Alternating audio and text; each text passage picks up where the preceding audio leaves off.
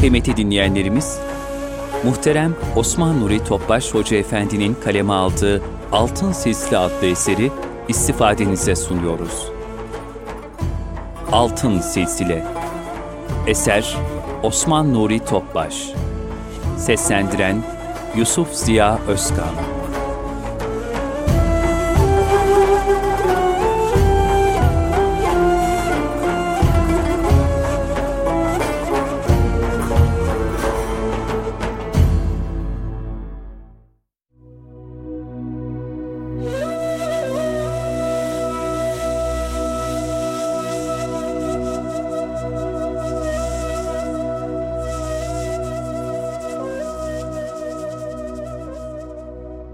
İnfakı Allah Resulü sallallahu aleyhi ve sellem Efendimizin infakı tarif edilemeyecek kadar ulvi bir mahiyet arz etmektedir. Zira o almaktan çok vermeyi severdi. Fakirlikten korkmadan çok büyük ikramlarda bulunurdu. İnfakından geriye kalanın değil, asıl verdiği malın kendisine ait olduğunu ifade ederdi. Sadakanın muhtacın eline geçmeden Allah'ın eline geçeceğini haber verirdi. Bu sebeple eline ne geçerse onu derhal infak eder, evinde tasadduk edebileceği bir dünyalık varken huzur bulamaz, uyuyamazdı. Ümmü Seleme radıyallahu anha validemiz şöyle anlatır. Bir gün Resulullah sallallahu aleyhi ve sellem Efendimiz yanıma geldi. Yüzünün rengi değişmişti. Bu halinin bir ağrı sebebiyle olduğunu zannettim. Ey Allah'ın peygamberi, yüzünüzün rengi değişmiş neyiniz var diye sordum. Efendimiz sallallahu aleyhi ve sellem, bize dün gelen yedi dinar yüzünden bu haldeyim. Akşam oldu, hala yatağın altında duruyorlar. Onları infak edemedik cevabını verdi. Allah Resulü sallallahu aleyhi ve sellem daima isar halinde yaşardı. Kendisine gelen hediye ve sadakaları hep ashab-ı suffeye, yani kendilerini Allah'ın dinine hizmete adamış fakir müminlere gönderirdi. Onun merhameti bütün mahlukatı kaplamıştı daima fakir ve muhtaçları düşünürdü. Hazreti Ali radıyallahu an şöyle anlatır. Peygamber Efendimizin kızı Hazreti Fatıma radıyallahu anha babasına ailesinin en sevgili olanıydı. Değirmen çevirdiği için elinde, kırba ile su taşıdığı için boynunda yaralar oluşur, evi süpürdüğü için de üstü başı toz toprak içinde kalırdı.'' Bir gün Allah Resulü sallallahu aleyhi ve selleme bazı savaş esirleri getirilmişti. Fatıma'ya babana gidip bir hizmetçi istesen dedim. Fatıma radıyallahu anha gitti. Resulullah sallallahu aleyhi ve sellem Efendimizin o esnada bazı kimselerle konuştuğunu gördü ve geri döndü.'' Ertesi gün Allah Resulü sallallahu aleyhi ve sellem Fatıma'ya gelerek "Kızım, ihtiyacın neydi?" diye sordu. Fatıma radıyallahu anha sükut edip cevap vermedi. Ben araya girip "Ben anlatayım ey Allah'ın Resulü." dedim ve vaziyeti anlattım. Bunun üzerine Resulullah sallallahu aleyhi ve sellem "Ey Fatıma, Allah'tan kork.'' Allah'ın farzlarını eda et. Ailenin işlerini yap. Yatağına girince 33 kere Sübhanallah, 33 kere Elhamdülillah, 34 kere Allahu Ekber de. Böylece hepsi yüz yapar. Bu senin için hizmetçiden daha hayırlıdır buyurdular. Fatıma radıyallahu anha Allah'tan ve Resulünden razıyım dedi. Resulullah sallallahu aleyhi ve sellem ona hizmetçi vermedi. Efendimiz sallallahu aleyhi ve sellem daha sonra şöyle buyurdular.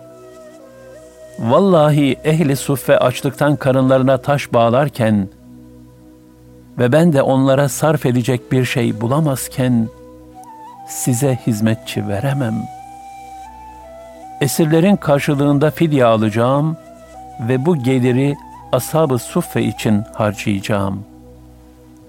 Yine Resulullah sallallahu aleyhi ve sellem Efendimiz Müslümanlarla birlikte hendek kazıp toprak taşırken çok acıkmış, açlık hissini bastırmak için karnına taş bağlamıştı. Efendimizin ızdırabını yüzünden anlayan Cabir radıyallahu an evindeki az bir yiyeceği ikram etmek üzere onu davet etmişti. Ancak Resulullah sallallahu aleyhi ve sellem kendisinden önce ashabını düşünüyordu. Bu sebeple hepsini toplayıp götürdü ve birkaç kişilik yemekle mucizevi bir şekilde binden fazla ashabını doyurdu. Bu rivayetler Peygamber Efendimizin bütün müminlere karşı ne kadar derin ve sonsuz bir şefkat ve merhamet hissiyle dolu olduğunu açıkça göstermektedir. Allah Resulü sallallahu aleyhi ve sellem zaruri ihtiyacı haricinde hiçbir şeyi elinde tutmazdı. Verecek bir şey bulamadığında gelince vermeyi vaat eder, hatta borçlanarak fakirlerin ihtiyacını giderirdi. Vefat ettiği gün Allah Resulü sallallahu aleyhi ve sellem Hazreti Ayşe'nin yanında bulunan altı yedi dinarı fakirlere dağıtmasını emretmişti.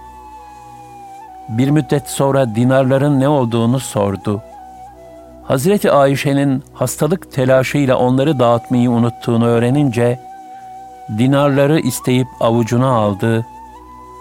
Allah'ın peygamberi Muhammed bunları fakirlere dağıtmadı. Yanında bulundurduğu halde Rabbine kavuşmayı uygun görecek değildir. Buyurduktan sonra onları ensarın fakirlerinden beş ev halkına dağıttırdı.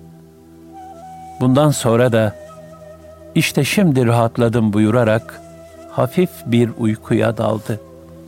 İşte cömertler sultanı Efendimiz sallallahu aleyhi ve sellemin ölüm döşeğinde bile terk etmediği ardı arkası kesilmez infakı.''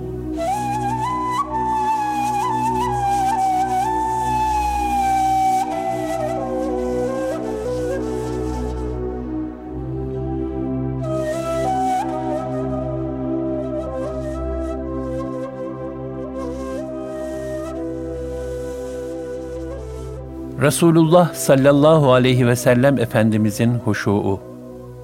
İbadetlerin zahiri şartları kadar batıni şartları da ehemmiyetlidir. Nasıl ki namaza taharet, abdest gibi zahiri şartlar ikmal edilmeden başlanamazsa, ihlas, huşu ve huzur gibi kalbi şartlar sağlanmadan, yani kalp manen hazırlanmadan da namaza başlanamaz.'' Zira Cenab-ı Hak ayet-i kerimede şöyle buyurur. Müminler gerçekten felah bulmuşlardır. Onlar ki namazlarını huşu ile kılarlar. Resulullah sallallahu aleyhi ve sellem Efendimiz, ashab-ı kirama zahiri ve batıni şartların ikisini birlikte talim etmiştir. Batıni şartların en mühimlerinden biri ise huşudur.'' Huşu, kalbin ilahi azamet tecellileri ve kudret nakışları karşısında rakikleşmesi, incelmesi ve derinleşmesidir. Kalpteki bu hal, bedenin uzuvlarına da aksederek, davranışlara sükunet, ahenk ve ruhaniyet verir. Huşu, kalbin Cenabı Hak'la irtibatı neticesinde hasıl olur.'' Sahabeden Abdullah bin Şıhhir radıyallahu an Peygamber Efendimiz sallallahu aleyhi ve sellemin namazdaki huşu halinden bir manzarayı şöyle tasvir eder. Bir keresinde Resulullah sallallahu aleyhi ve sellem Efendimizin yanına gitmiştim. Namaz kılıyor ve ağlamaktan dolayı göğsünden kaynayan kazan sesi gibi sesler geliyordu. Resulullah sallallahu aleyhi ve sellem Efendimiz şöyle buyurmuşlardır. Namaz ikişer ikişer kılınır. Her iki rekatta bir teşehhüde oturursun. Derin bir huşu içinde olur, tazarru ve niyazda bulunursun. Tevazu ve tezellül gösterirsin. Namazı bitirince de ellerini içleri yüzüne dönük olarak Yüce Rabbine kaldırıp, Ya Rabbi, Ya Rabbi diye yalvarırsın.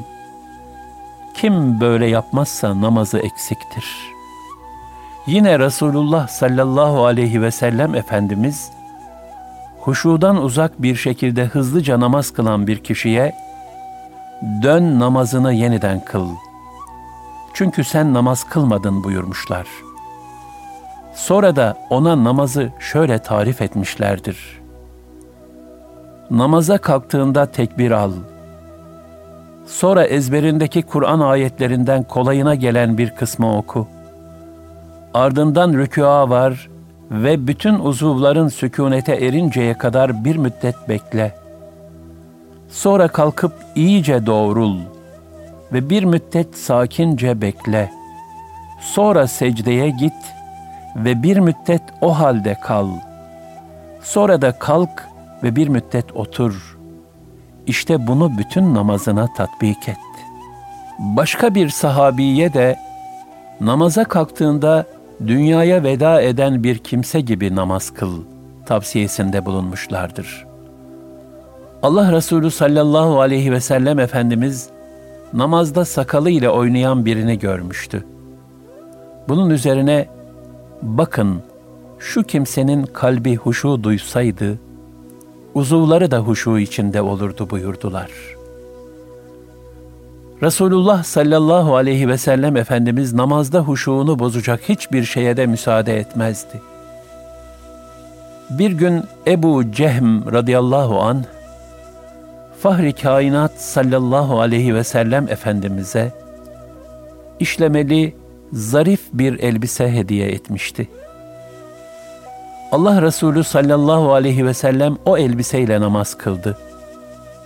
Namazı bitirince Ayşe validemize, bu elbiseyi Ebu Cehme geri gönder. Namazda gözüm nakışlarına takıldı. Neredeyse namazda huzurumu bozacaktı buyurdu.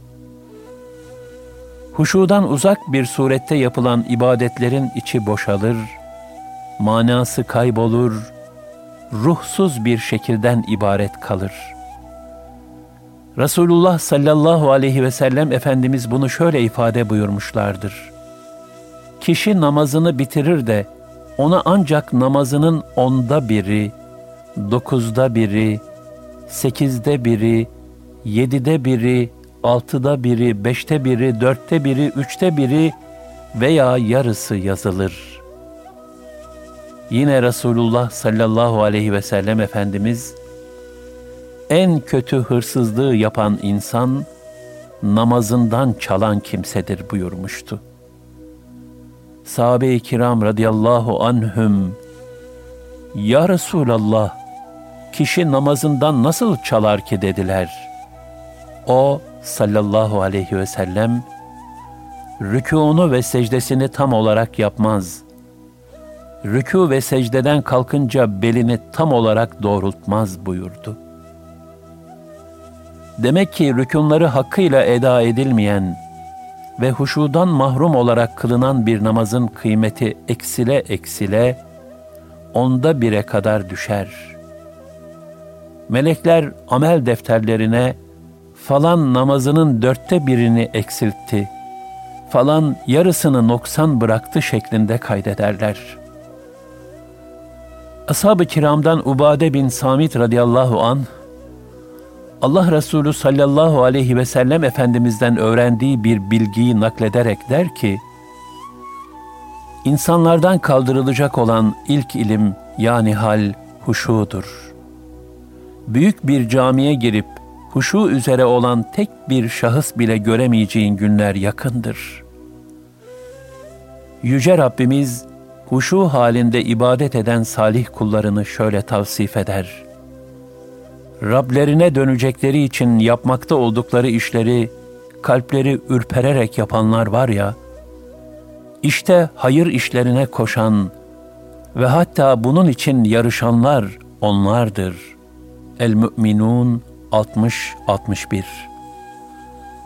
Hazreti Ayşe radıyallahu anha diyor ki, yukarıdaki ayeti kerimeler nazil olunca, Allah Resulü sallallahu aleyhi ve selleme, ayette zikredilenler, zina, hırsızlık ve içki gibi haramları işleyenler midir diye sormuştum. Efendimiz sallallahu aleyhi ve sellem de, Hayır ey Sıddık'ın kızı, ayette anlatılmak istenenler, namaz kıldığı, oruç tuttuğu ve sadaka verdiği halde, bu ibadetlerinin kabul olup olmama endişesiyle korkanlardır buyurdular. İşte tasavvufi eğitimin en mühim gayelerinden biri de gönüllere bu huşu halini kazandırmaktır.''